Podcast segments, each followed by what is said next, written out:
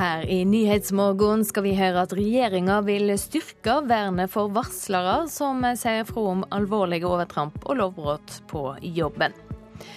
Vi er blitt vant til å se overfylte båter på Middelhavet. Det har ikke vært flere mennesker på flukt i verden siden andre verdenskrig, og flyktningene blir flere, ifølge FN-rapport. Det blir flere akutteam innen psykiatrien. De sikrer at folk som er i krise raskt får hjelp der de bor. Og det er høy temperatur på banene under fotball-EM, men det du kanskje ikke har tenkt på, er at eh, kampen om hva spillerne skal ha på seg, er minst like intens. Riktig god morgen i studio i dag, Silje Sande. Det skal bli lettere og ikke minst tryggere å varsle om kritikkverdige tilhøve på egen arbeidsplass. Regjeringa sender nå flere forslag på høring med sikte på å styrke vernet av varslere. Arbeidsminister Anniken Hauglie sier flere profilerte varslingssaker de siste åra har vist at lova ikke er god nok i dag. Vi får jo hele tiden kraftfulle påminnelser om eh, behovet for og nødvendigheten av å ha gode varslingsrutiner og ha et godt eh, varslingsvern. Eh, og vi har jo da sett når vi har gjennomgått lovverket at det har vært behov for å både endre lovverket, men også presisere og tydeliggjøre lovverket for at vi skal kunne legge bedre til rette for varsling. Den såkalte Monica-saken i Bergen og Unibus-saken i Oslo er eksempler på saker der varslere har vært sentrale for å få alvorlige forhold fram i lyset. Samtidig har både politikere, fagforeninger og arbeidslivseksperter vært enige om at beskyttelsen av varslere i Norge er for dårlig. Nå kommer regjeringen med fire konkrete forslag. Alle virksomheter med flere enn ti ansatte skal ha egne varslingsrutiner. Vi foreslår at også innleid arbeidskraft skal ha eh, eget varslervern. Vi foreslår at myndighetene skal ha taushetsplikt eh, overfor de som eh, varsler, det er viktig. Og så foreslår vi å rydde i lovverket for å tydeliggjøre og synliggjøre viktigheten av varsling. I tillegg skal det settes ned et ekspertutvalg som skal gå gjennom hele varslerregelverket som sådan. Og Derfor går det to etapper. Vi legger nå fram det som vi hadde begynt å jobbe med. og Så setter vi ned ekspertutvalget som gjennomgår alt sammen. og Så får vi se hva de kommer med av ytterligere forslag etter hvert.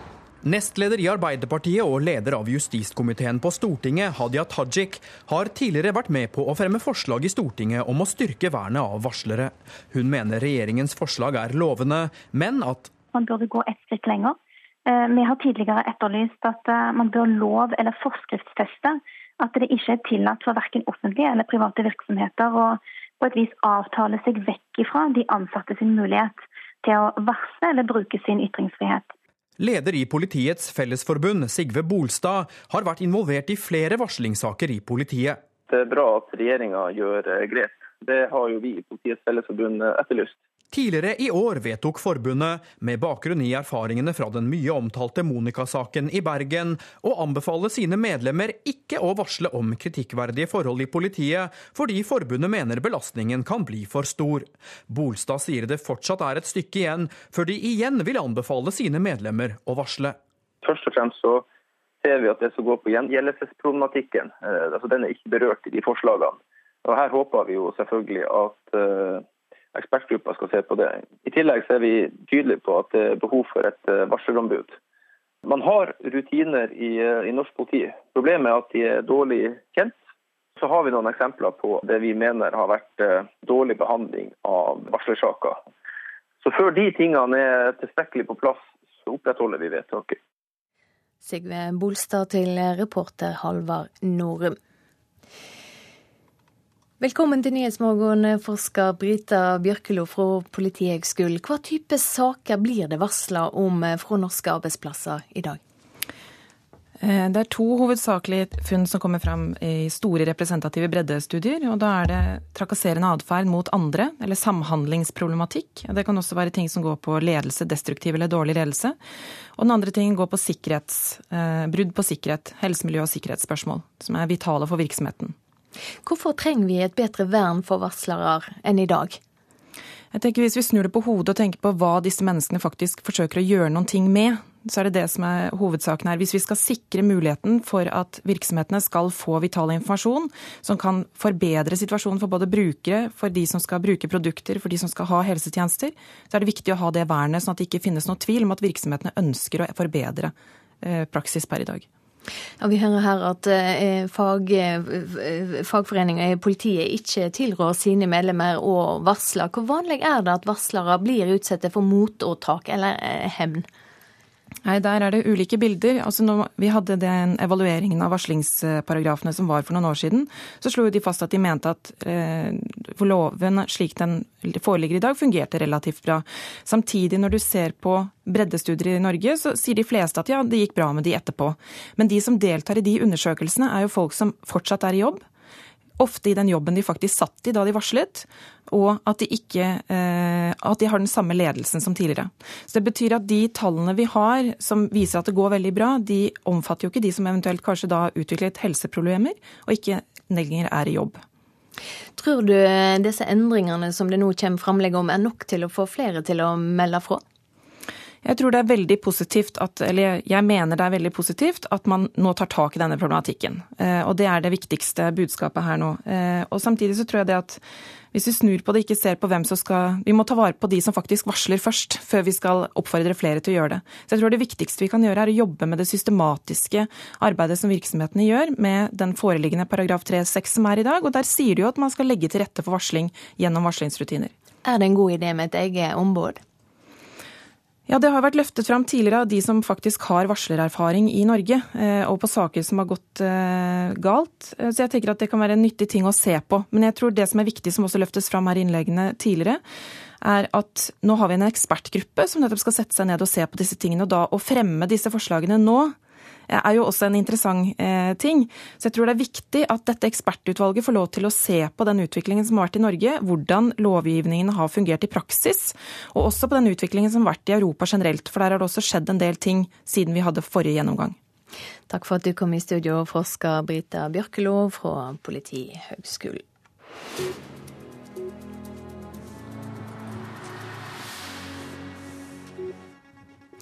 Vi skal høre at eh, flyktningsituasjonen i verden blir verre år for år. Det kommer fram i årsrapporten for 2015 fra FNs flyktningbyrå, UNHCR. Rapporten blir lagt fram i dag, samme dag som vi markerer verdens flyktningdag. Bildene av overfylte båter på vei over Middelhavet og på vei vekk fra krig blir stadig vanligere. For første gang er det over 65 millioner mennesker som ikke har et sted å kalle hjem. Det kommer fram i en ny rapport fra FNs høykommissær for flyktninger, som betegner dagens flyktningsituasjon som svært bekymringsfull. Det sier pressekontakt Anders Aalbu. Den er jo særdeles alvorlig, øh, med så mange mennesker på flukt. Flere enn vi har sett noen gang siden andre verdenskrig. Så veldig alvorlig, ja. Antallet mennesker på flukt har steget kraftig de siste fem åra. Når denne reportasjen er ferdig, har 36 mennesker blitt tvunget på flukt. Ifølge tall fra FN tilsvarer dette 34 000 mennesker per dag og ingenting tyder på at situasjonen skal forbedre seg. Ja, Dessverre så ser vi jo at det er utrolig mange væpna konflikter flere plasser i verden. Så dessverre så ser det ikke veldig lyst ut sånn på kort sikt i alle fall. Sånn som det er i dag, kommer halvparten av alle verdens flyktninger fra tre land. Syria, Afghanistan og Somalia, som eh, produserer halvparten av alle flyktningene som er under eh, UNHCRs eh, beskyttelse. Syria er jo kanskje det landet som får mest oppmerksomhet. Og det vi ser er jo at uh, å få en stopp på krigshandlingene er også den eneste måten til at færre flyktninger trenger å dra på flukt. Så enkelt, men samtidig så vanskelig. Reporter her Ola Solheim. I den afghanske hovedstaden Kabul er minst 14 mennesker drepne og flere er skadde etter at en eksplosjon råka en minibuss. Det skal være snakk om et selvmordsåtak. Og reporter Anna Rydland Nærum, hva mer vet vi om dette? Det vi vet foreløpig, er at denne selvmordsbomberen skal ha kommet til stedet til fots, og meldingene om hvem som var på denne minibussen og ble rammet av eh, angrepet, varierer. Nyhetsbyråene melder at eh, det var statsansatte på vei til jobb som var på bussen, men det kommer samtidig meldinger om at det var nepalske sikkerhetsvakter som var ansatt på, en, på et utenlandsk anlegg som ble rammet. Vitner fra nyhetsbyråene forteller at det var en svært kaotisk situasjon etter eksplosjonen, og at det derfor har vært vanskelig å fastslå og korrekt antall drepte og sårede, men det er altså 14 drepte og flere sårede det er snakk om nå. Vitner forteller også at det var flere politibiler og ambulanser som hastet til åstedet rett etter eksplosjonen. Er det kommet fram noe om hvem som står bak? Foreløpig kan vi ikke være helt sikre på hvem som står bak dette angrepet, men nå er det en talsmann fra Taliban som hevder på sosiale medier medier at eh, det er dem som står bak. Og i forrige måned så ble en buss med ansatte i Justisdepartementet utsatt for et lignende angrep, og også en domstol i byen Ghazni ble angrepet 1.6. Taliban har tatt på seg skylden for begge disse angrepene, og sier at det var hevnaksjoner etter at seks fengslede Taliban-medlemmer ble henrettet. Takk skal du ha, reporter Anna Rydland Nærum. I eh, Politisk kvarter om en knapp time er det ikke helt ferdige med langtidsplan for Forsvaret, programleder Lilla Sølvesvik. Nei da, eh, mange av de som nå føler seg forsømt i Forsvaret, ser nå mot de 52 kampflyene som Norge har tenkt å kjøpe. Til sammen så er prislappen på 270 milliarder kroner. Det er den største offentlige investeringen noensinne. Og en del av de pengene kan jo kanskje brukes et annet sted, f.eks. i Kjevik eller i Harstad, eller kanskje kan det bli mer penger til Hæren. SV og Venstre mener uansett at antallet må ned, og SVs Bård Vegar Solhjell møter forsvarsministeren i debatt. Vi skal også stille et spørsmål om krig er så viktig at Stortinget ikke kan diskutere det. Iallfall så har det sett sånn ut for noen nå. Klokka er eh, straks 6.45. Hovedsaker nå. Overlevende etter Utøya-terroren fikk store problemer på skolen, viser en ny studie. Regjeringa vil gjøre det lettere og tryggere å varsle om kritikkverdige tilhøve på egen arbeidsplass. Og Flyktningsituasjonen i verden blir verre år for år. Det kommer fram i årsrapporten for 2015 fra FNs flyktningbyrå, UNHCR.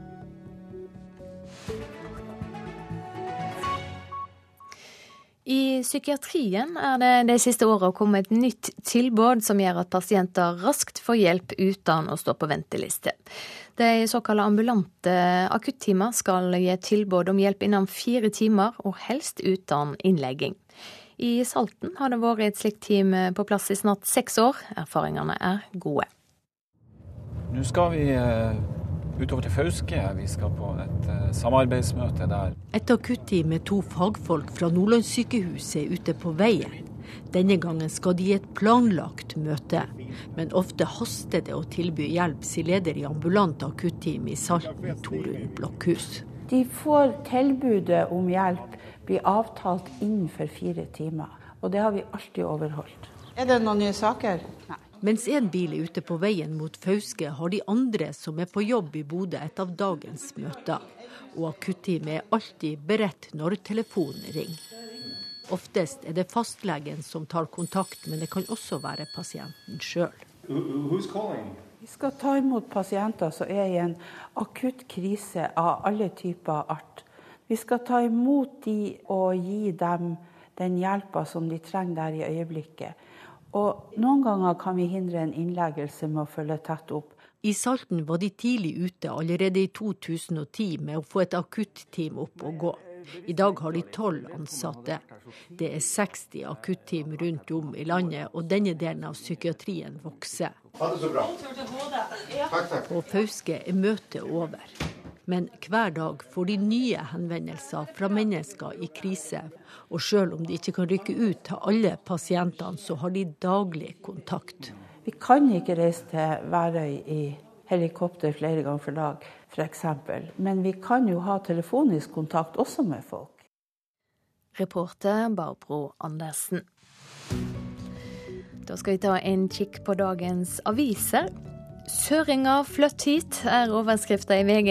Det er jobbkrise i sør og mangel på folk i nord. Folk fra Sør-Vestlandet er for lite mobile. De sitter hjemme og forventer jobb, sier Arild Østgaard i Tromsø. Og flere aviser på Vestlandet skriver om oljebransjen i dag. For det er to år siden oljeprisfallet starta. Folk rister på hovedet da Bjørn Asle Teige spådde nedgang for to år siden. Teige, som er tillitsvalgt i Statoil, sier til Stavanger Aftenblad at han ikke tror bunnen er nådd ennå. Og Hordaland er på konkurstoppen etter oljenedtur, skriver Bergens Tidende. Motvind har lenge preget oljefylker på Vestlandet. Bare i Hordaland har nær 250 selskap gått konkurs siden nyttår.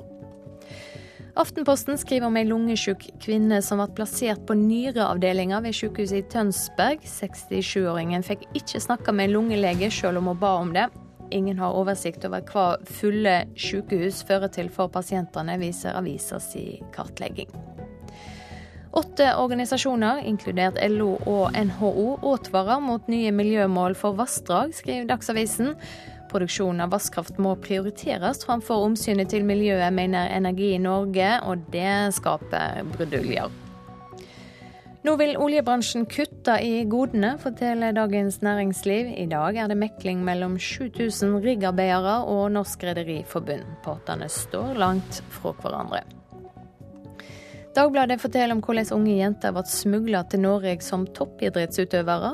Tenåringene fra Mongolia, som slett ikke var idrettsutøvere, kom hit til landet på idrettsvisum. Solberg-regjeringa sier oftere ja til bygging på matjord, skriver Nasjonen. Det er urealistisk å nå jordvernmålet, sier landbruksdirektør i Sør-Trøndelag, Tore Bjørkli. Så sport og fotball. Med uavgjort mot Slovakia i kveld er England sikra videre spill i fotball-EM. Det trenger et engelsk lag som har skuffa i mesterskap etter mesterskap. Landslagstrener for England, Roy Hodgson, er klar.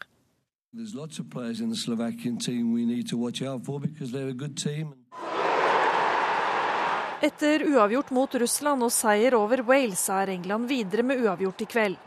Selv om alt ligger til rette for en engelsk opptur, velger landslagstrener Roy Hodgson å rose kveldens motstander opp i skyene. Slovakia er gode, med mange spillere vi må se opp for. De nærmest fløy gjennom kvalifiseringen.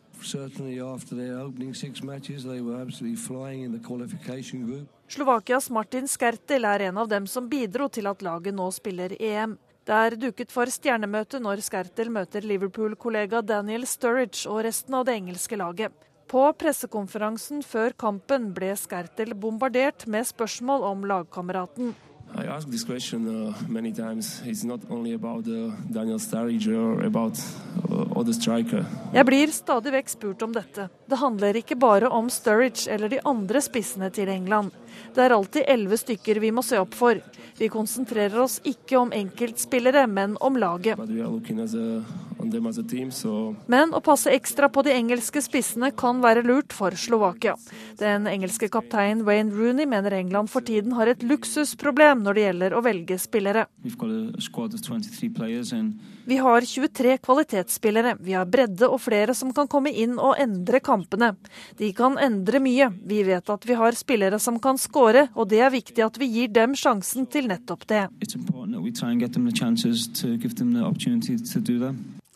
Reporter Hilde Liengen.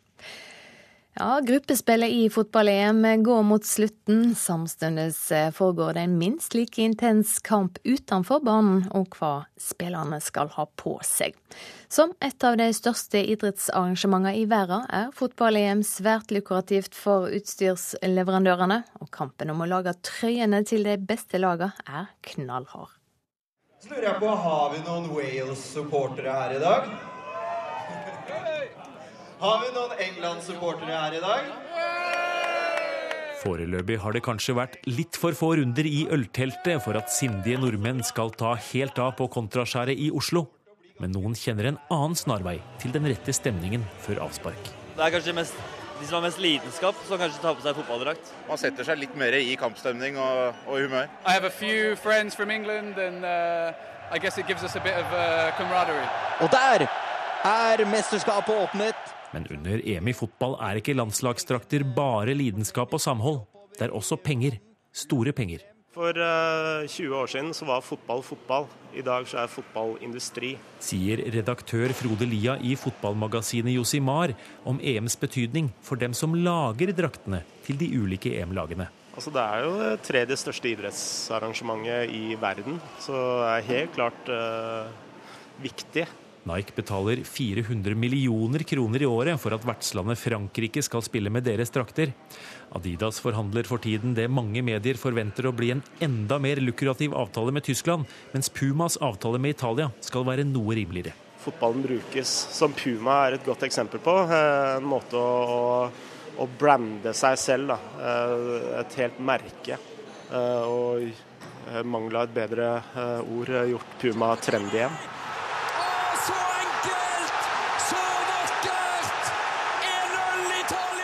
Vinnermentalitet og en solid fotballhistorie er noen av årsakene til at Puma har valgt seg Italia.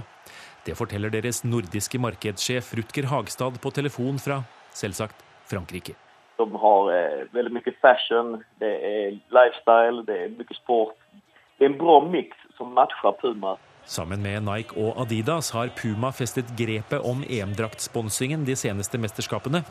Der fordelingen tidligere var jevnere mellom flere merker, har de nå 20 av de 24 lagene i EM mellom seg. Det er alltid en intern kamp mellom varemerkene, hvem som har flest lag, hvem som har flest spillere på plan.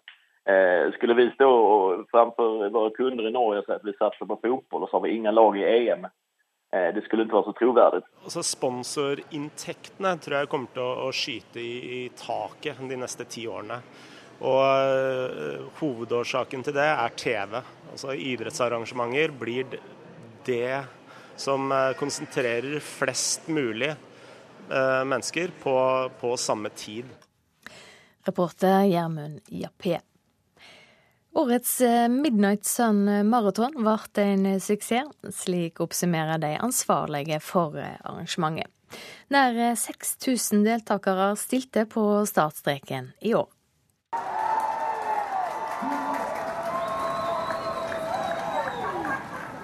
Her har eh, startskuddet nettopp gått for årets eh, Midnight Sun Marathon. Nesten 6000 løpere fra mange deler av verden sprang rundt i Tromsøs gater. It was beautiful. I've been training in very hot weather and it was lovely to train or to run here. David Guthrie kom hele veien fra Atlanta i USA til Tromsø i Nord-Norge for å springe maraton. The landscape was gorgeous. Anytime I got tired, I could just look at the mountains and clouds and get a bit rejuvenated. Guthrie har eh, aldri løpt her i Tromsø før, og når han ble blir sliten, kunne han bare se på den flotte naturen, og så fikk han eh, samla krefter. It was wonderful. Um, I had breast cancer uh, two years ago, and this is my first half marathon. Deborah Aquino fra Brasil hadde brystkreft for to år siden, og løpte sitt første halvmaraton etter kreften. And I made my best time ever in my life, so I'm very happy. I, I thought, okay, I'm going to enjoy the view and the city and the people. Akino trekker særlig frem det flotte publikummet som heier hun og alle de andre løperne frem mot målet. Allez, Sophie, allez!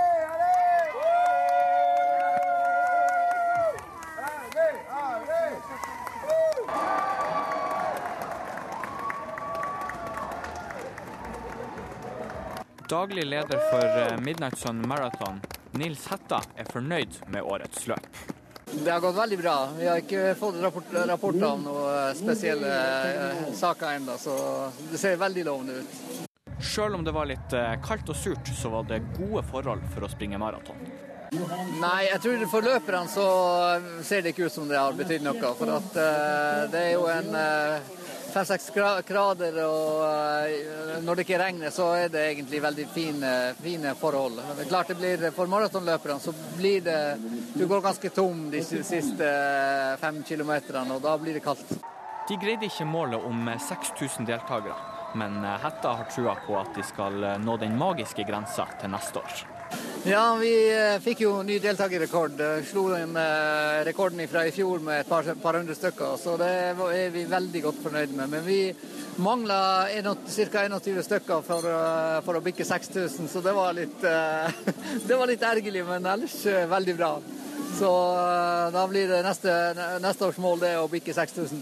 Ja, det sa Nils Hetta til reporter Gjermund Håkonseth. Vi skal ha et eh, værvarsel nå. Austafjells og fjellet i Sør-Norge. Der blir det bris omkring sør. På kysten periodevis liten kuling. Stiv kuling vest for Oksøy. Tilskyende regn i Agder, som breier seg nordover til Telemark og Østlandet. I kveld minkende vind og stort sett opphold i Agder. Vestlandet får sørøst bris, liten og periodevis stiv kuling på kysten. I kveld dreiende vestlig og minkende sør for Bergen. Skyer og etter hvert regn. Trøndelag først på dagen lite vind og en del sol. Om ettermiddagen tilskyende fra sør og økende til nordøst. Liten kuling på kysten. Nordland får vind fra øst og nordøst, regn som breier seg nordover. Om ettermiddagen stort sett eh, opphold og noe sol sør for Bodø. Om kvelden eh, lettere også i nord. Troms og Finnmark lite vind, hovedsakelig fra øst og nordøst. For det meste skyer og litt regn. I Finnmark vesentlig i indre strøk. Og Spitsbergen vestlig frisk bris, i øst og nord stiv kuling. Opphold, men skyer kan hende skodde på vestsida og i fjellet. Så har vi temperaturlista. De var målt eh, for eh, to timer siden. Svalbard lufthavn fire, Kirkenes fem. Vardø, Alta og Tromsø-Langnes hadde alle seks. Bodø sju. Brønnøysund, Trondheim-Værnes og Molde seks. Bergen-Flesland og Stavanger ni. Kristiansand-Kjevik og Gardermoen 10. Lillehammer 5. På Røros var det ei minusgrad, og Oslo, i Oslo, på Blindern, der var det målt 13 plussgrader for to timer siden.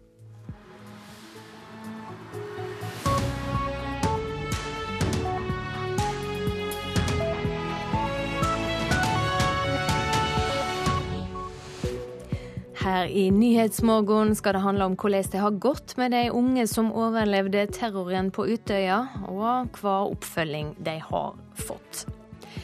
EU er i ferd med å lage Europas sammente stater. Det mener den tidligere utenriksministeren i Storbritannia, lord David Owen. I USA har masseskytinga i Orlando ført til at politikerne i dag gjør et nytt forsøk på å stramme til våpenlovene.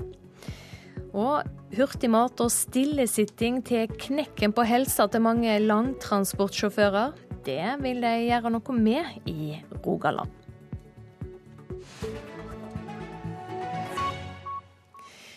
Ungdom som overlevde tragedien på Utøya for fem år siden, fikk dårligere karakterer i tida etter terroråtaket.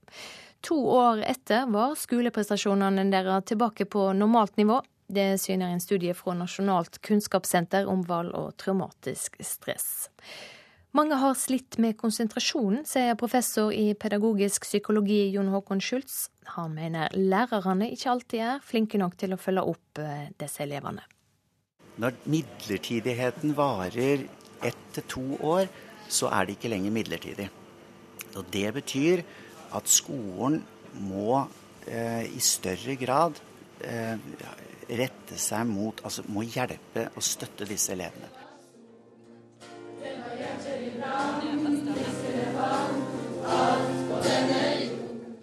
Utøya-ungdommen synger i timene før terroren som skal ta 69 liv, rammer for snart fem år siden.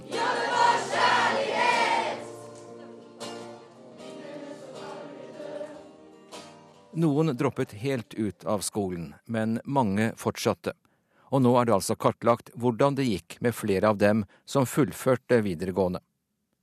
Det er ikke overraskende at de gjorde det dårligere og at fraværet økte, men det lå en forventning om at de skulle legge problemene bak seg etter forholdsvis kort tid, sier Schultz. Vi har også flere som har fortalt oss i intervjuer at eh, det var noe som skjedde etter, jule, etter jul. Da var det en mer sånn forventning om at nå skulle problemene være over. Og nå fikk du legge det bak deg og konsentrere deg om skolen. Og det er den holdningen der vi nå kan dokumentere at den må forkastes. Vi ser at det er eksplisitte utfordringer i læringa, og det varer ganske lenge. Eh, jeg vet at det er veldig veldig opp og ned. Noen har slitt veldig, noen har det gått veldig bra med. Tore Remi Christensen var for lengst ferdig med videregående da han var på Utøya den skjebnesvangre dagen men som elev og lærlingombud i Buskerud fikk han erfare hvordan det gikk med flere av sine yngre AUF-venner. Jeg tenker jo også at eh, denne forskningen her er ekstremt viktig å ta med seg videre i et, et perspektiv for, for, andre elever eh, som vil møte på lignende problemer. Eh, la oss for guds skyld håpe de ikke gjør det. Med... Og her er han inne på det Schulz også understreker. Dette er lærernes oppgave. Og det er en oppgave som ikke bare gjelder Utøya-ungdommen. Mange andre har også opplevd traumer. De kan komme fra krig, og de kan ha vært utsatt for overgrep. Det vi snakker om her, er et pedagogisk anliggende. Her er det pedagogiske konsekvenser, og det betyr at det er læreren som må på banen. Men hva har læreren gjort feil, tror dere? Jeg tror den største feilen du kan gjøre som lærer, det er å være redd for å gå inn i samtaler. Det du skal spørre om som lærer, det er jo at jeg vet at du har vært på Utøya, men hvordan påvirker det matematikken din? Altså Det er de praktiske konsekvensene for skolearbeidet som læreren skal være opptatt av. Så kan vi overlate mer følelser og opplevelser til psykologene. Men lærere skal være opptatt av læring. Ja. Hallo. hallo! En skoleklasse går forbi når jeg snakker med Tore Remi Christensen. Snart skal han møte flere klasser og enda flere ansikter. Tore skal nemlig bli lærer.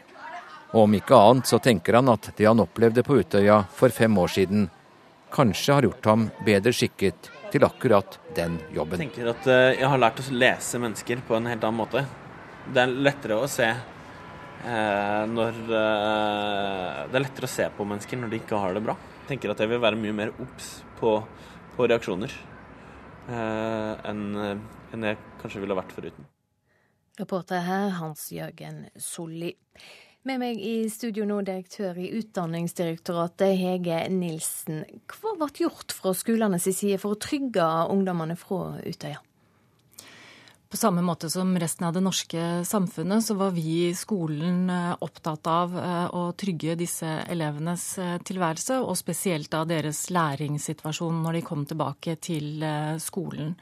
Fra vår side ble det utarbeidet et støttemateriell som skolene kunne bruke. Og skolene fikk også beskjed om å, å, ta kontakt med disse elevene og følge de opp for å sikre at de faktisk startet på skolen igjen.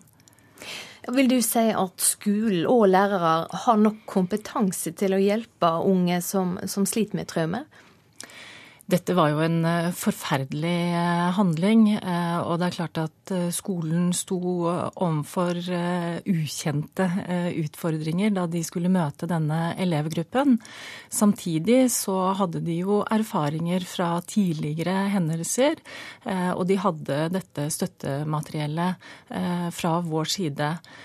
Og så har jeg også lyst til å si at det er jo elevenes læring som er skolens og lærernes eh, viktigste oppgave. Eh, og vi vet jo veldig mye om hva som er viktig for at eh, elevene skal ha en god læringssituasjon. Og da vet også vi, og selvfølgelig også lærerne, at det å ha en trygg læringssituasjon, hvor lærerne også er oppmerksom på hva som spiller inn på elevenes læring, bl.a. deres psykiske helse og følelser, er det viktig å ta hensyn til. Denne studien gjelder jo det som overlevde Utøya. Samtidig så kommer det jo elever inn i skolen som har opplevd andre traumatiske ting, til dømes krig eller overgrep. Hvordan er fokuset på eh, disse elevene?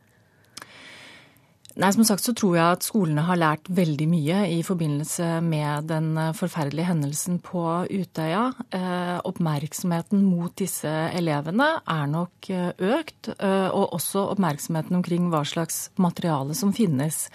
Vi la også til rette for at eh, skolene eh, kunne snakke med hverandre og dele erfaringer, eh, slik at de skolene som hadde gode erfaringer med hvordan de fikk god kontakt og legge til rette for en god læringssituasjon med disse elevene, kunne dele det med skoler som ikke hadde så mye erfaring. Og det tror jeg det også er viktig å legge til rette for i fremtiden. Men vi hørte jo her at det var store forskjeller mellom de ulike skolene. Er det godt nok at det utarbeider materiell? Nettopp derfor er jo denne type rapporter viktig, eh, eh, som sikrer at vi øker eh, kunnskapsgrunnlaget vårt i forhold til denne elevgruppen. Eh, og som rapporten også sier, så vet vi fortsatt for lite om hva slags støtte disse elevene trenger. Men, men det vi vet, er at denne elevgruppen gir tilbakemelding om at skolen, veldig mange av de gir tilbakemelding om at skolen og lærerne har gitt de en god støtte. Og de erfaringene må vi trekke veksler på for å gjøre alle like gode. Takk for at du kom i studio, Hege Nilsen fra Utdanningsdirektoratet.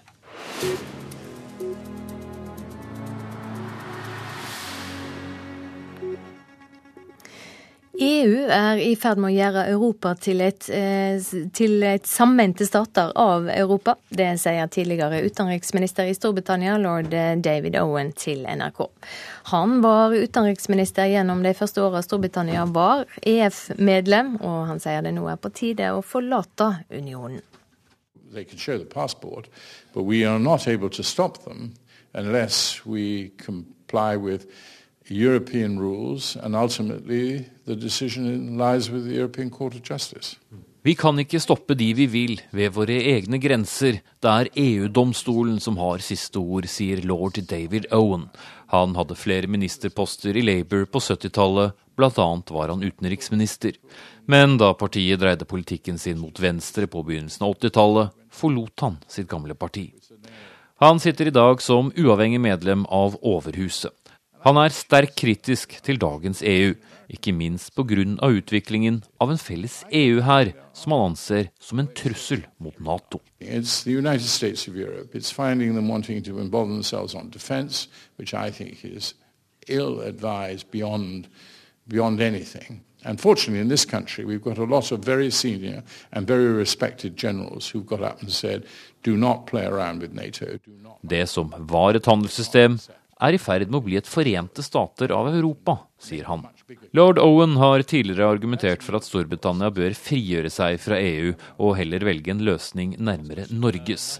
Men det ville være nesten utenkelig å ikke skulle ha stemmerett, sier lord Owen, som mener det er galt at land som Norge og Island ikke har stemmerett, at de er en slags pariakaste i EU. But I believe in argued that Norway should have a vote and Iceland should have a vote and even uh, Liechtenstein should have a vote. I think that uh, if we're Democrats, we shouldn't create structures in which pe some people can be treated almost like pariahs.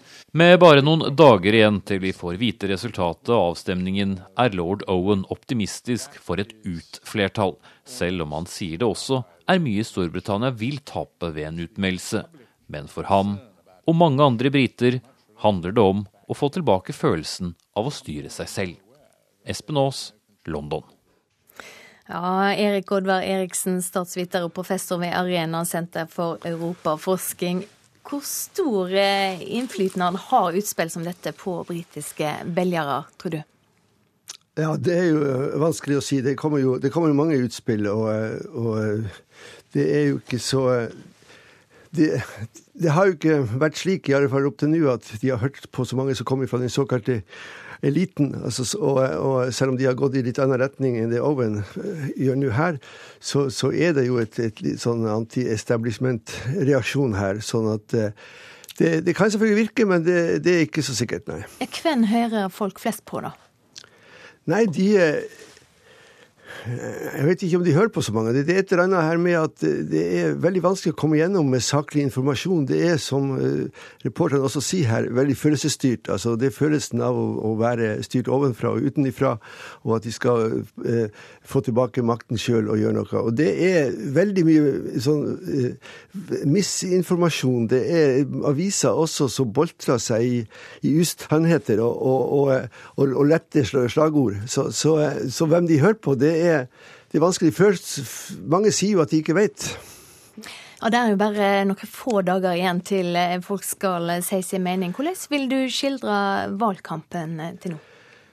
Nei, Dette er et veldig komplisert spørsmål, så det er veldig vanskelig å egentlig få en, en god valgkamp rundt det. Det er for mange, for mange spørsmål oppe, for kompliserte spørsmål. Og, og, og, og selv Professorer har store vanskeligheter med å orientere seg her. Så, så valgkampen har vært veldig sånn som vi sier, følelsesstyrt. Altså det er et eller annet med en slags ubehag ved å ikke ha kontroll på, på egen dagsorden og på, på, eget land, egentlig. Og, og dette har, form, har, har, har, styrt veldig mye. Og så har du selvfølgelig disse som prøver å komme ut med saklig informasjon, og, og komme ut med, med disse tapsoversiktene om hva vil, hva vil skje hvis, hvis eh, England eller Storbritannia forlater EU.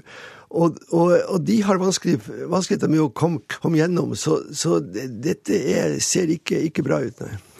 Vi hadde jo dette drapet på en politiker eh, forrige uke. Hvordan har det prega innspurten av valgkampen? Ja, det, det senka jo temperaturen og sånn. Og det som var litt interessant her, at det egentlig kom opp et mer prinsipielt spørsmål og verdispørsmål her. ikke sant? Med Joe Cox som var på ditt før innvandring, var en progressiv stemme inn her og vil ha samarbeid i Europa og sånn.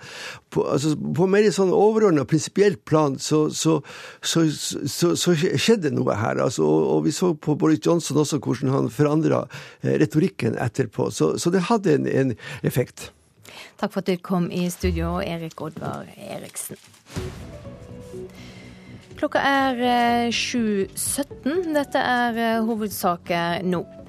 Overlevende etter Utøya-terroren fikk store problemer på skolen, viser forskning.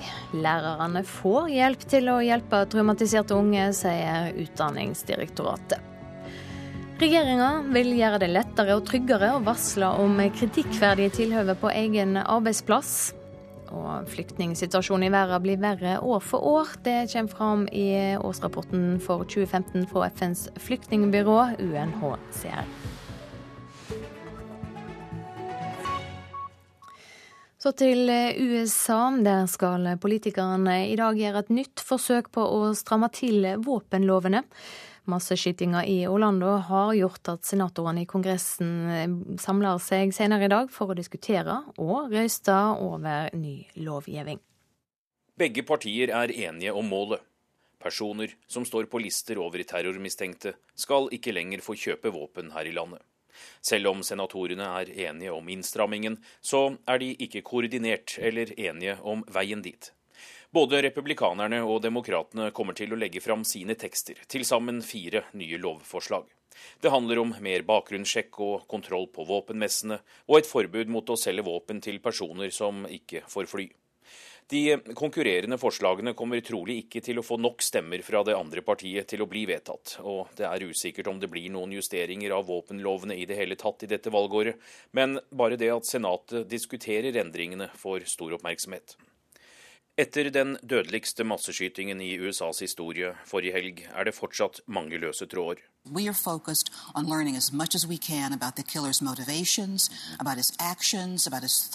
Justisminister Loretta Lynch var gjest på flere søndagsshow og fortalte at granskningen nå konsentrerer seg om å finne et motiv for massakren på 49 mennesker.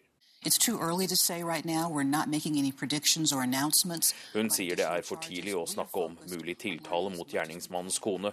Hun skal ifølge medier og politikilder her ha visst om deler av planen uten å varsle.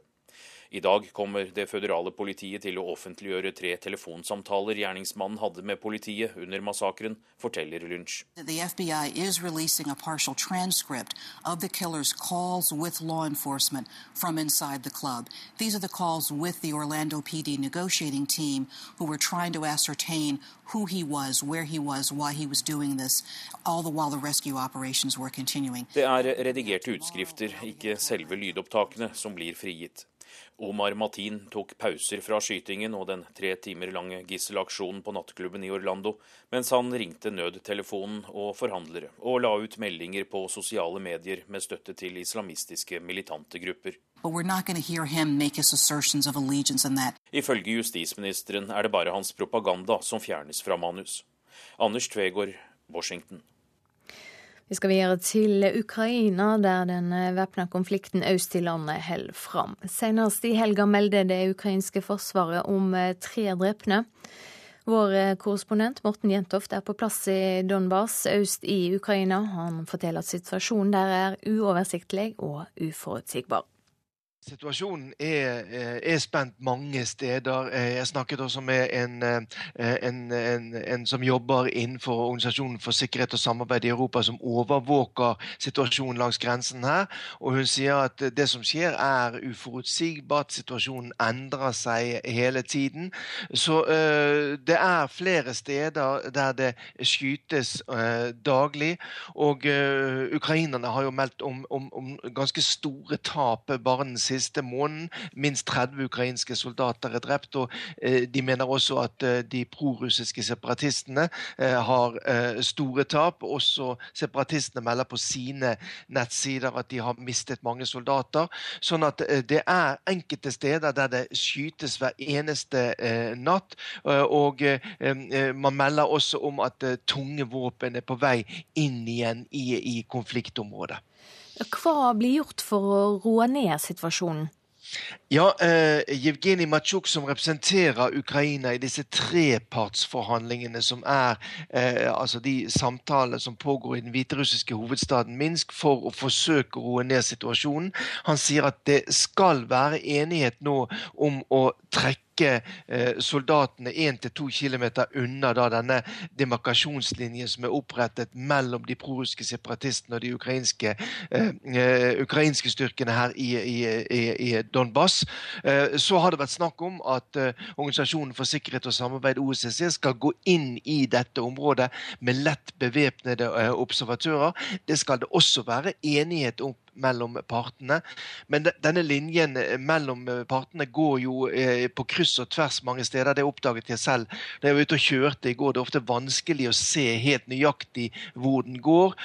Så dette blir et komplisert arbeid. Og det er såpass mye bitterhet, mangel på tillit mellom partene, at det skal bli vanskelig å få dette til i praksis. Hvordan er situasjonen for de sivile i dette området? Situasjonen er, eh, i hvert fall sånn som jeg opplevde det i, i går, noe bedre. Det er færre veisperringer eh, på vei inn i Donbass enn det det var bare for et drøyt uh, halvår siden. Sånn at på enkelte områder så er situasjonen bedre. Her i den ukrainskkontrollerte delen av Donbass så er det også helt klare eksempler på en, en, en viss økonomisk vekst. Det har, selv om Ukraina har dårlig med penger, så ser man at det har vært gjort noe Eh, en del veier er eh, asfaltert. Vi ser også at eh, det er flere butikker, flere mindre bedrifter som har åpnet her. Sånn at situasjonen er noe bedre. Men det er klart at det å leve med denne konstante trussel om at kampene kan blusse opp igjen for, for fullt, det å høre kanontorden, skyting i det fjerne, det gjør jo noe med folk. Det gjør jo noe at mange er skeptiske til å satse på en framtid i denne delen av Ukraina. Vi skal ta en kikk på dagens aviser nå. Søringer flytt hit, er overskrifta i VG. Det er jobbkrise i sør og mangel på folk i nord. Folk fra Sør-Vestlandet er for lite mobile. De sitter hjemme og forventer jobb, sier Arild Østgaard i Tromsø. Og flere aviser på Vestlandet skriver også om oljebransjen i dag. For det er to år siden oljeprisfallet starta. Folk rister på hodet da Bjørn Asle Tege spådde nedgang for to år siden. Tege, som er tillitsvalgt i Statoil, sier til Stavanger Aftenblad at han ikke tror bunnen er nådd ennå. Og Hordaland er på konkurstoppen etter oljenedturen, skriver Bergens Tidende. Nær 250 selskap har gått konkurs i fylket siden nyttår. Aftenposten skriver om ei lungesjuk kvinne som døde etter å ha blitt plassert på nyreavdelinga ved sykehuset i Tønsberg. 67-åringen fikk ikke snakka med lungelege selv om hun ba om det. Ingen har oversikt over hva fulle sykehus fører til for pasientene, viser avisa si kartlegging. Åtte organisasjoner, inkludert LO og NHO, advarer mot eh, nye miljømål for vassdrag, skriver Dagsavisen. Produksjonen av vasskraft må prioriteres framfor omsynet til miljøet, mener Energi i Norge. Det skaper bruduljer. Nå vil oljebransjen kutte i godene, forteller Dagens Næringsliv. I dag er det mekling mellom 7000 riggarbeidere og Norsk Rederiforbund. Partene står langt fra hverandre. Dagbladet forteller om hvordan unge jenter ble smugla til Norge som eh, toppidrettsutøvere. Tenåringene fra Mongolia, som slett ikke var idrettsutøvere, kom hit til landet på idrettsvisum. Solberg-regjeringa sier oftere ja til bygging på matjord, skriver Nasjonen. Det er urealistisk å nå jordvernmålet, sier landbruksdirektør i Sør-Trøndelag, Tore Bjørkli.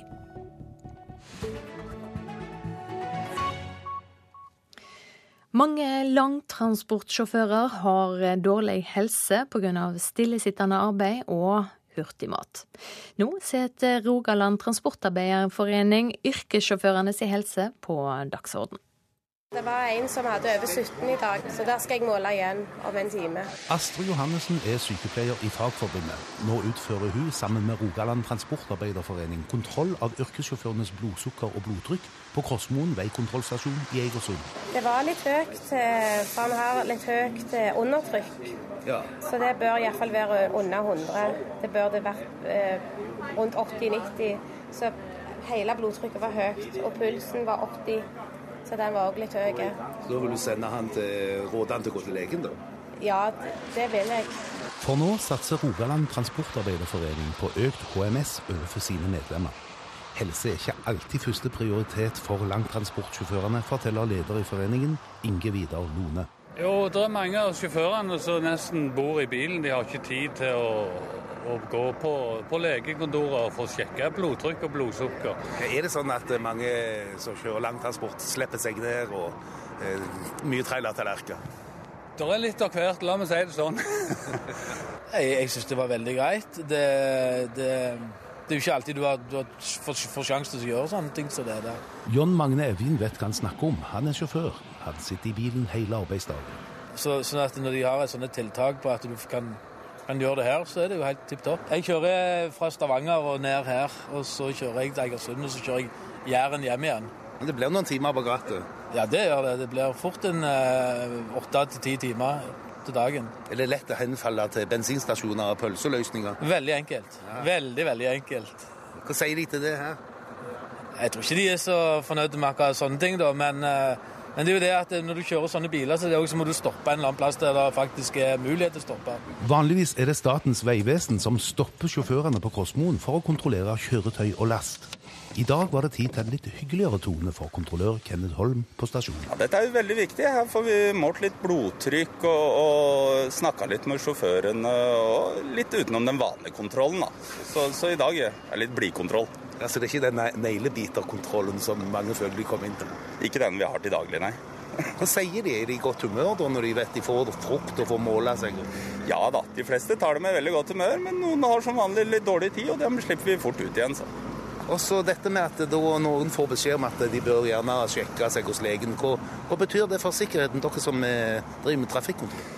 Nei, altså at eh, vi, har eh, friske, sunne sjåfører er jo veldig viktig for trafikksikkerheten. Og, vi vil jo ha oppegående sjåfører òg, da. Og det får vi jo sjekka litt ut her i dag. Men vi får jo ikke mangellapp på blodtrykk og sånn i dag. Nei, nei det var vel kanskje å ta det litt langt. Ja, det er å drive litt langt i dag.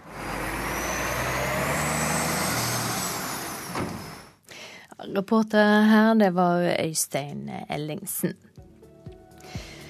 Straks eh, tid for eh, Dagsnytt 7.30. Eh, Etter det, i Politisk kvarter kvart på åtte, skal det handle mellom annet om langtidsplanen for Forsvaret. Der stiller de også spørsmål om krig er så viktig at Stortinget ikke kan diskutere det. Produsent for Nyhetsmorgen, Vidar Eidhammer. I studio, Silje Sande.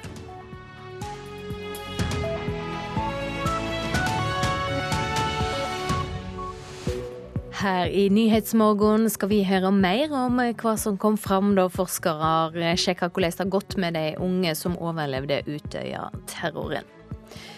Vi skal straks snakke med Flyktninghjelpen om hvorfor det blir eh, flere flyktninger her i verden.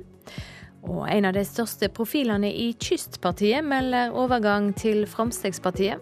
Her i Nyhetsmorgen får du straks høre hvorfor. Som vi hørte i Dagsnytt, ungdom som overlevde tragedien på Utøya for fem år siden, fikk dårligere karakterer i tida etter terroråtaket. Det viser en studie fra Nasjonalt kunnskapssenter om vold og traumatisk stress. Mange av de som fullførte videregående sleit med konsentrasjonen, sier professor i pedagogisk psykologi Jon Håkon Schultz. Han mener lærerne ikke alltid er flinke nok til å følge opp disse elevene. Her er det pedagogiske konsekvenser, og det betyr at det er læreren som må på banen.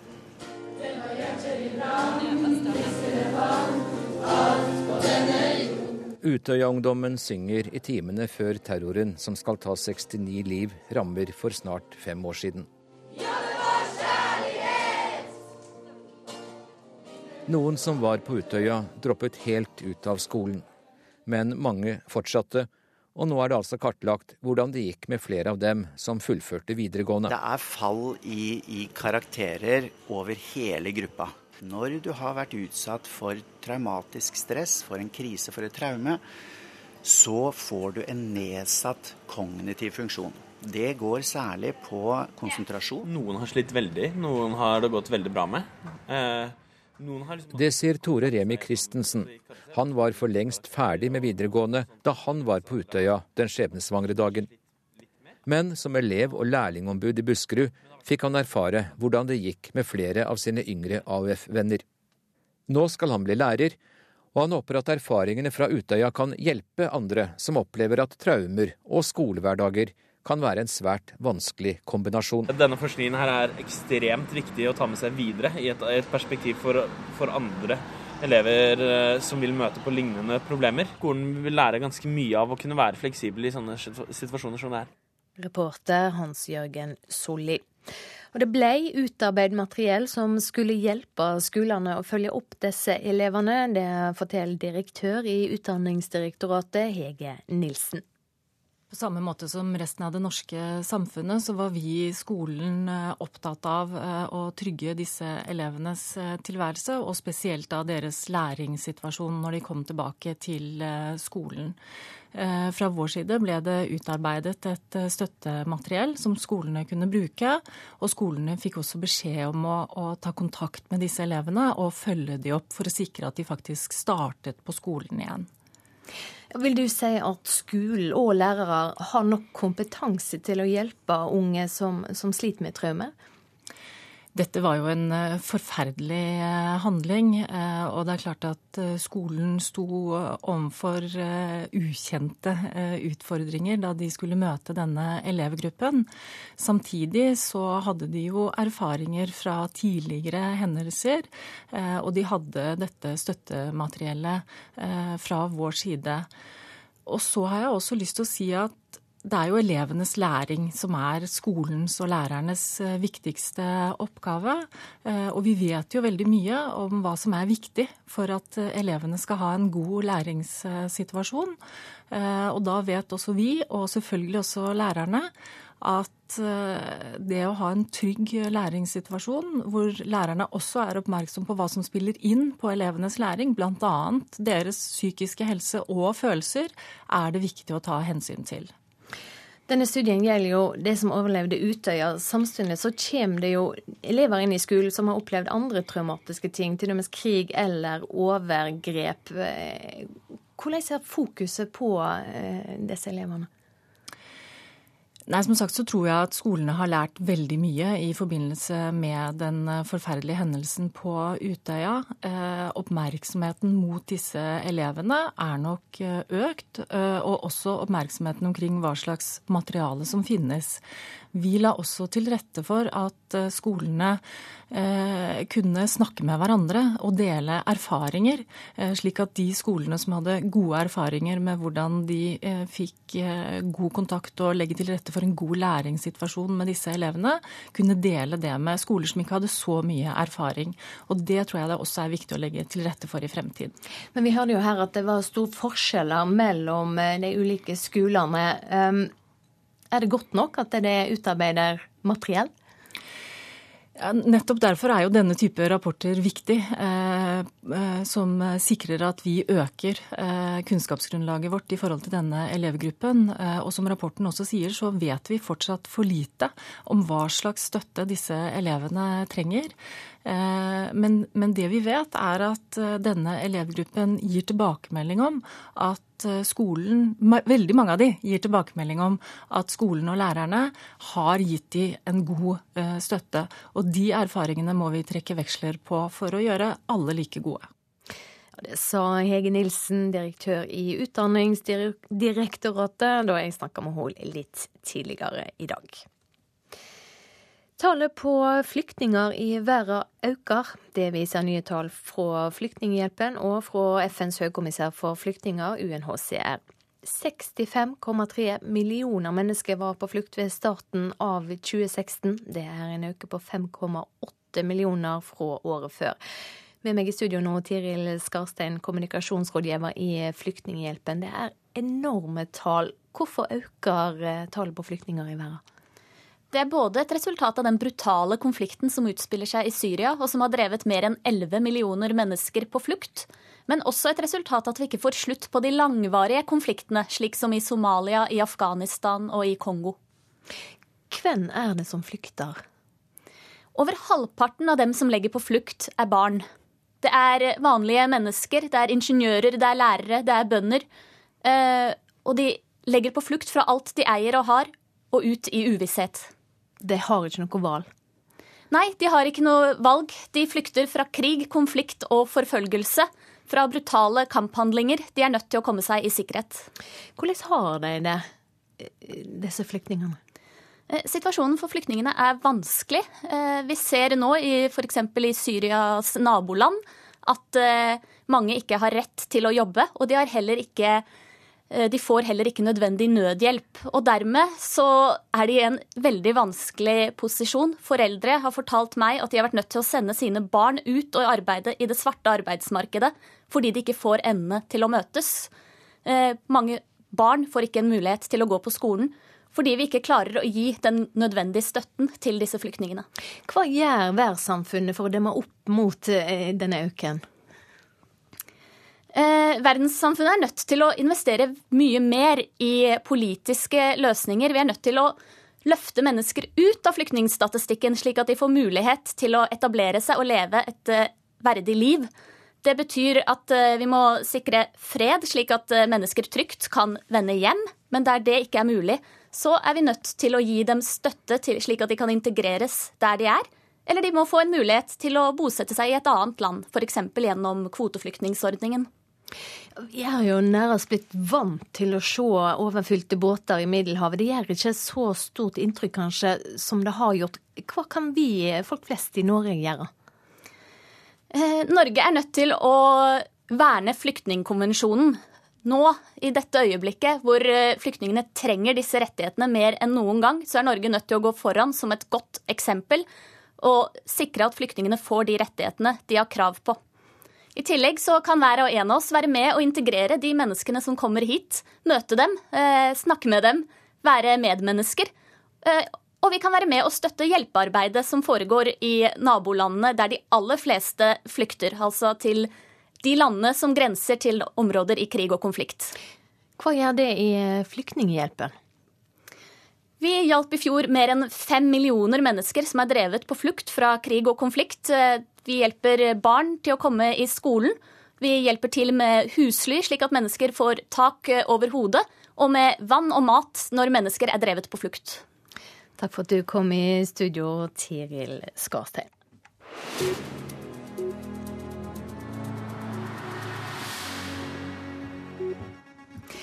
Det skal bli lettere og ikke minst tryggere å varsle om kritikkverdige tilhøve på egen arbeidsplass. Regjeringa sender nå flere forslag på høring med sikte på å styrke vernet av varslere. Håpet er at flere tør å si ifra når ting ikke er som de skal, sier arbeidsminister Anniken Hauglie. I sum vil dette medføre hvert fall bedre rutiner og bedre rammeverk for varsling, og jeg tror nok også at det gjør at flere kommer til å varsle. Den såkalte Monica-saken i Bergen og Unibus-saken i Oslo er eksempler på saker der varslere har vært sentrale for å få alvorlige forhold fram i lyset. Samtidig har både politikere, fagforeninger og arbeidslivseksperter vært enige om at beskyttelsen av varslere i Norge er for dårlig. Nå kommer regjeringen med fire konkrete forslag. Alle virksomheter med flere enn ti ansatte skal ha egne varslingsrutiner. Vi foreslår at også innleid arbeidskraft skal ha eh, eget varslervern. Vi foreslår at myndighetene skal ha taushetsplikt overfor de som varsler, det er viktig. Og så foreslår vi å rydde i lovverket for å tydeliggjøre og synliggjøre viktigheten av varsling. I tillegg skal et ekspertutvalg gå gjennom hele varslerregelverket på nytt. Leder i Politiets Fellesforbund, Sigve Bolstad, sier forslagene er et skritt i riktig retning, men at det også er et stykke igjen. Først og fremst så ser vi at det som går på gjengjeldelsesproblematikken, eh, altså den er ikke berørt i de forslagene. Og Her håper vi jo selvfølgelig at uh, ekspertgruppa skal se på det. I tillegg så er vi tydelige på at det er behov for et uh, varslerombud. Når det gjelder spørsmålet om et eget varslerombud, sier regjeringen at også det er noe de skal se på. Det sa reporter Halvard Norum. Klokka er straks 8.45. Dette er hovedsaker i nyhetene nå. Utøya-overlevende strevde på skolen i flere år etter terroren, viser studiet. Som vi hørte, regjeringa vil gjøre det lettere for varslere å slå alarm. Og straks både SV og Venstre ønsker å redusere tallet på F-35 kampfly, og heller bruke pengene på andre deler av eh, Forsvaret.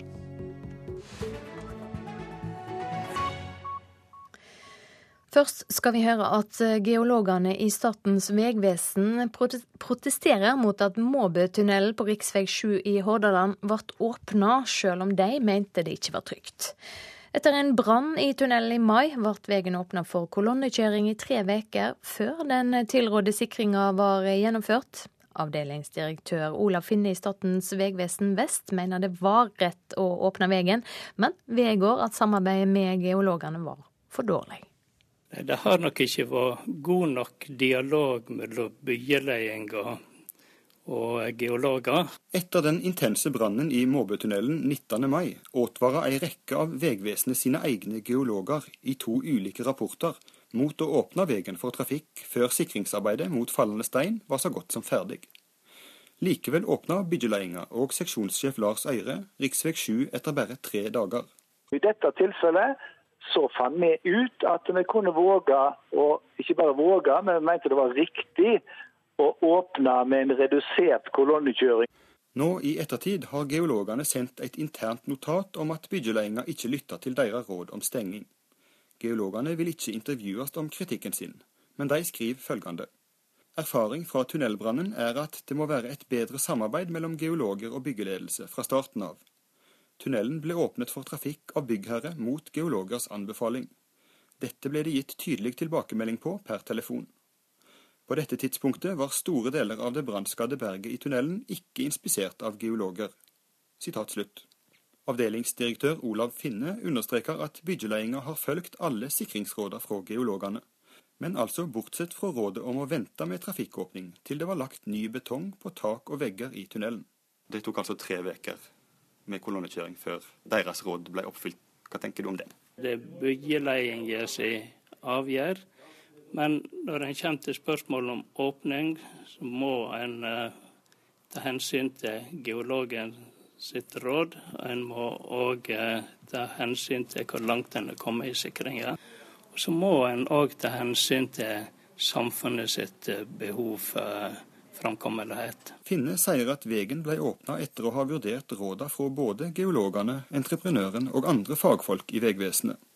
Han presiserer at det ble inspisert og renska daglig for å hindre at stein faller ned under kolonnekjøringa.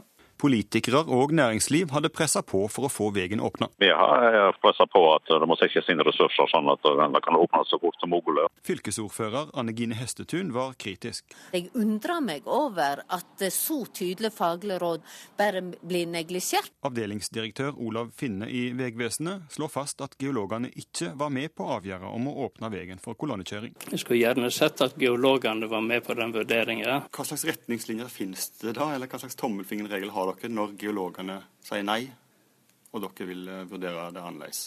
Skal geologene da involveres i den endelige avgjørelsen? Ja, det er jo det som er ønskelig å ha geologene med i risikovurderinger. For ettertid så tenker jeg vi må sette oss ned og syte for at uh, vi har en tettere kontakt med geologene. NRK har i nesten to uker prøvd å få Vegdirektoratet til å si om det finnes retningslinjer for hva makt geologene skal ha hvis de vil stenge en vei, og hvor ofte geologer har blitt overprøvd. Vegdirektør Terje Moe Gustavsen vil ikke svare, og viser til Statens vegvesen region vest. Det som eh, alltid kan bli bedre, det er kommunikasjon og samarbeid. og eh, Vi kunne hatt tettere kontakt, vi kunne vært med på hverandre underveis i de første innledende timene. Reporter her, Leif Rune Løland. I USA samla titusenvis av mennesker seg i sentrum av Orlando i natt for å minnes ofra etter skytemassakren eh, forrige helg. I dag skal politiet der offentliggjøre telefonsamtaler massedrapsmannen hadde med politiet. Nå fokuserer etterforskninga på hva som kan ha vært motivet hans. Det sier justisminister i USA, Loretta Lynch. The FBI is releasing a partial transcript of the killer's calls with law enforcement from inside the club. Det er redigerte utskrifter, ikke selve lydopptakene, som blir frigitt. Omar Matin tok pauser fra skytingen og den tre timer lange gisselaksjonen på nattklubben i Orlando, mens han ringte nødtelefonen og forhandlere, og la ut meldinger på sosiale medier med støtte til islamistiske militante grupper. Ifølge justisministeren er det bare hans propaganda som fjernes fra manus. Anders Tvegård, Washington.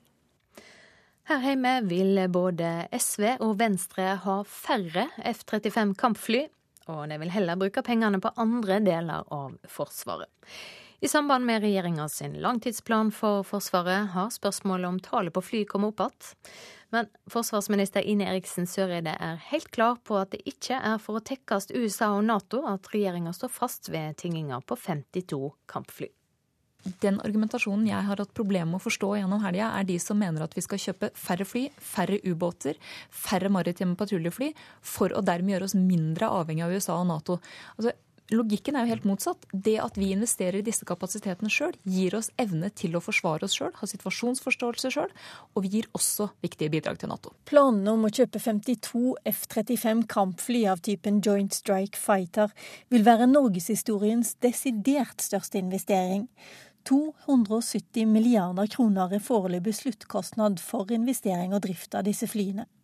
Venstre vil nå redusere antallet fly for å bruke pengene på andre deler av Forsvaret.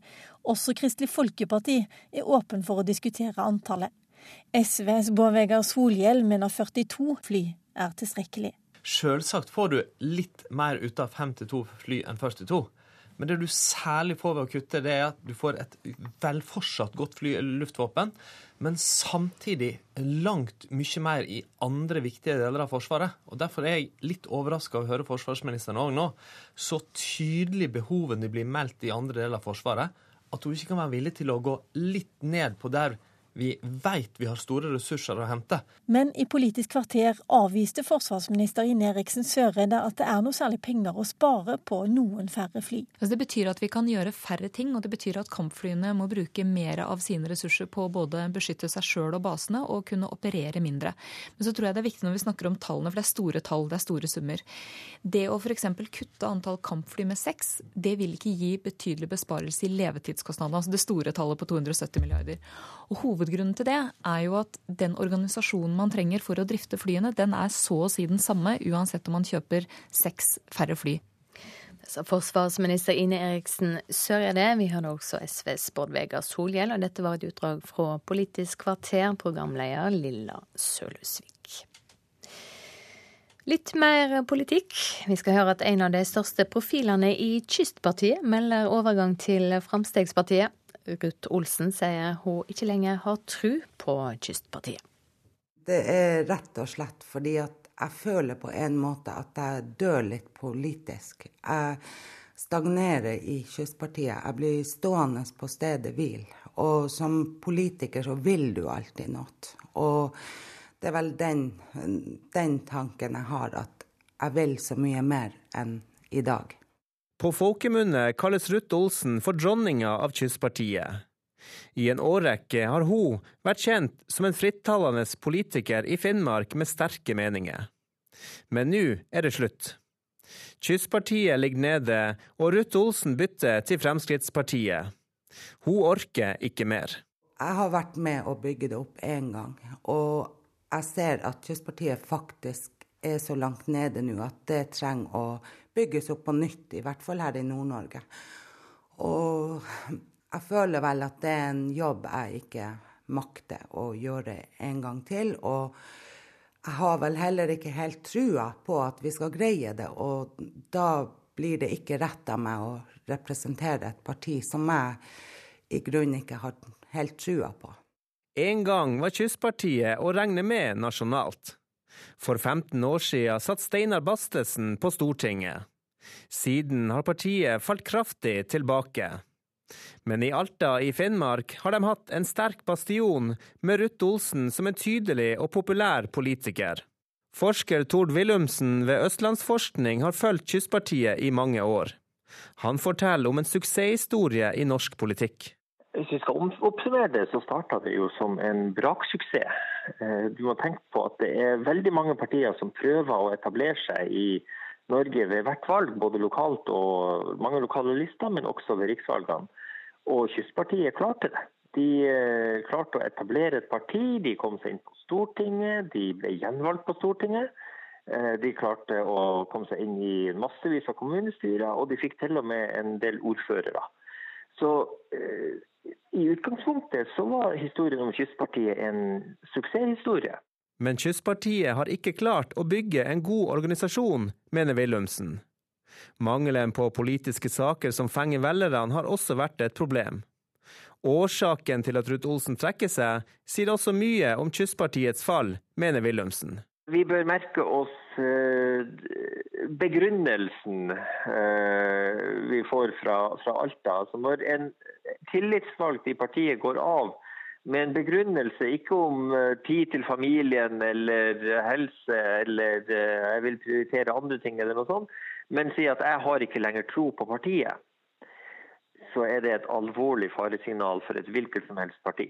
Partileder Bengt Stabrun Johansen syns det er synd å miste en så profilert politiker fra partiet.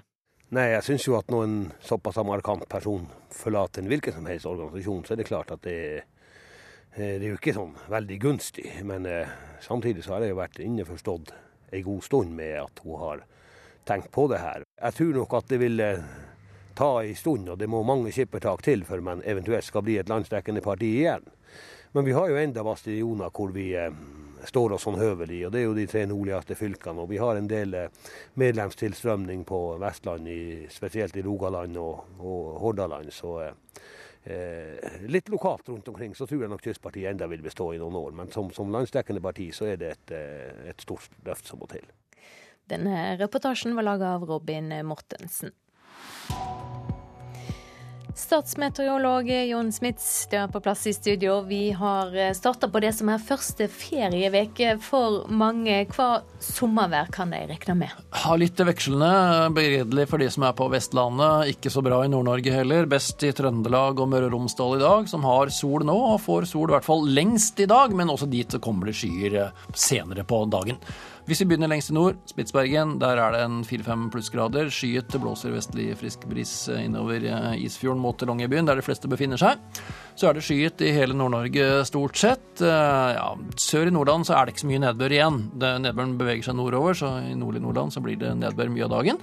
Og Troms, mest av Troms får nedbør, og Finnmark, hit kommer også nedbør, er på vei, og det blir mest i de indre områdene her, da. Så kan det bli lettere vær, i hvert fall sør i Nordland utover ettermiddagen, kanskje til og med perioder med sol på Helgeland.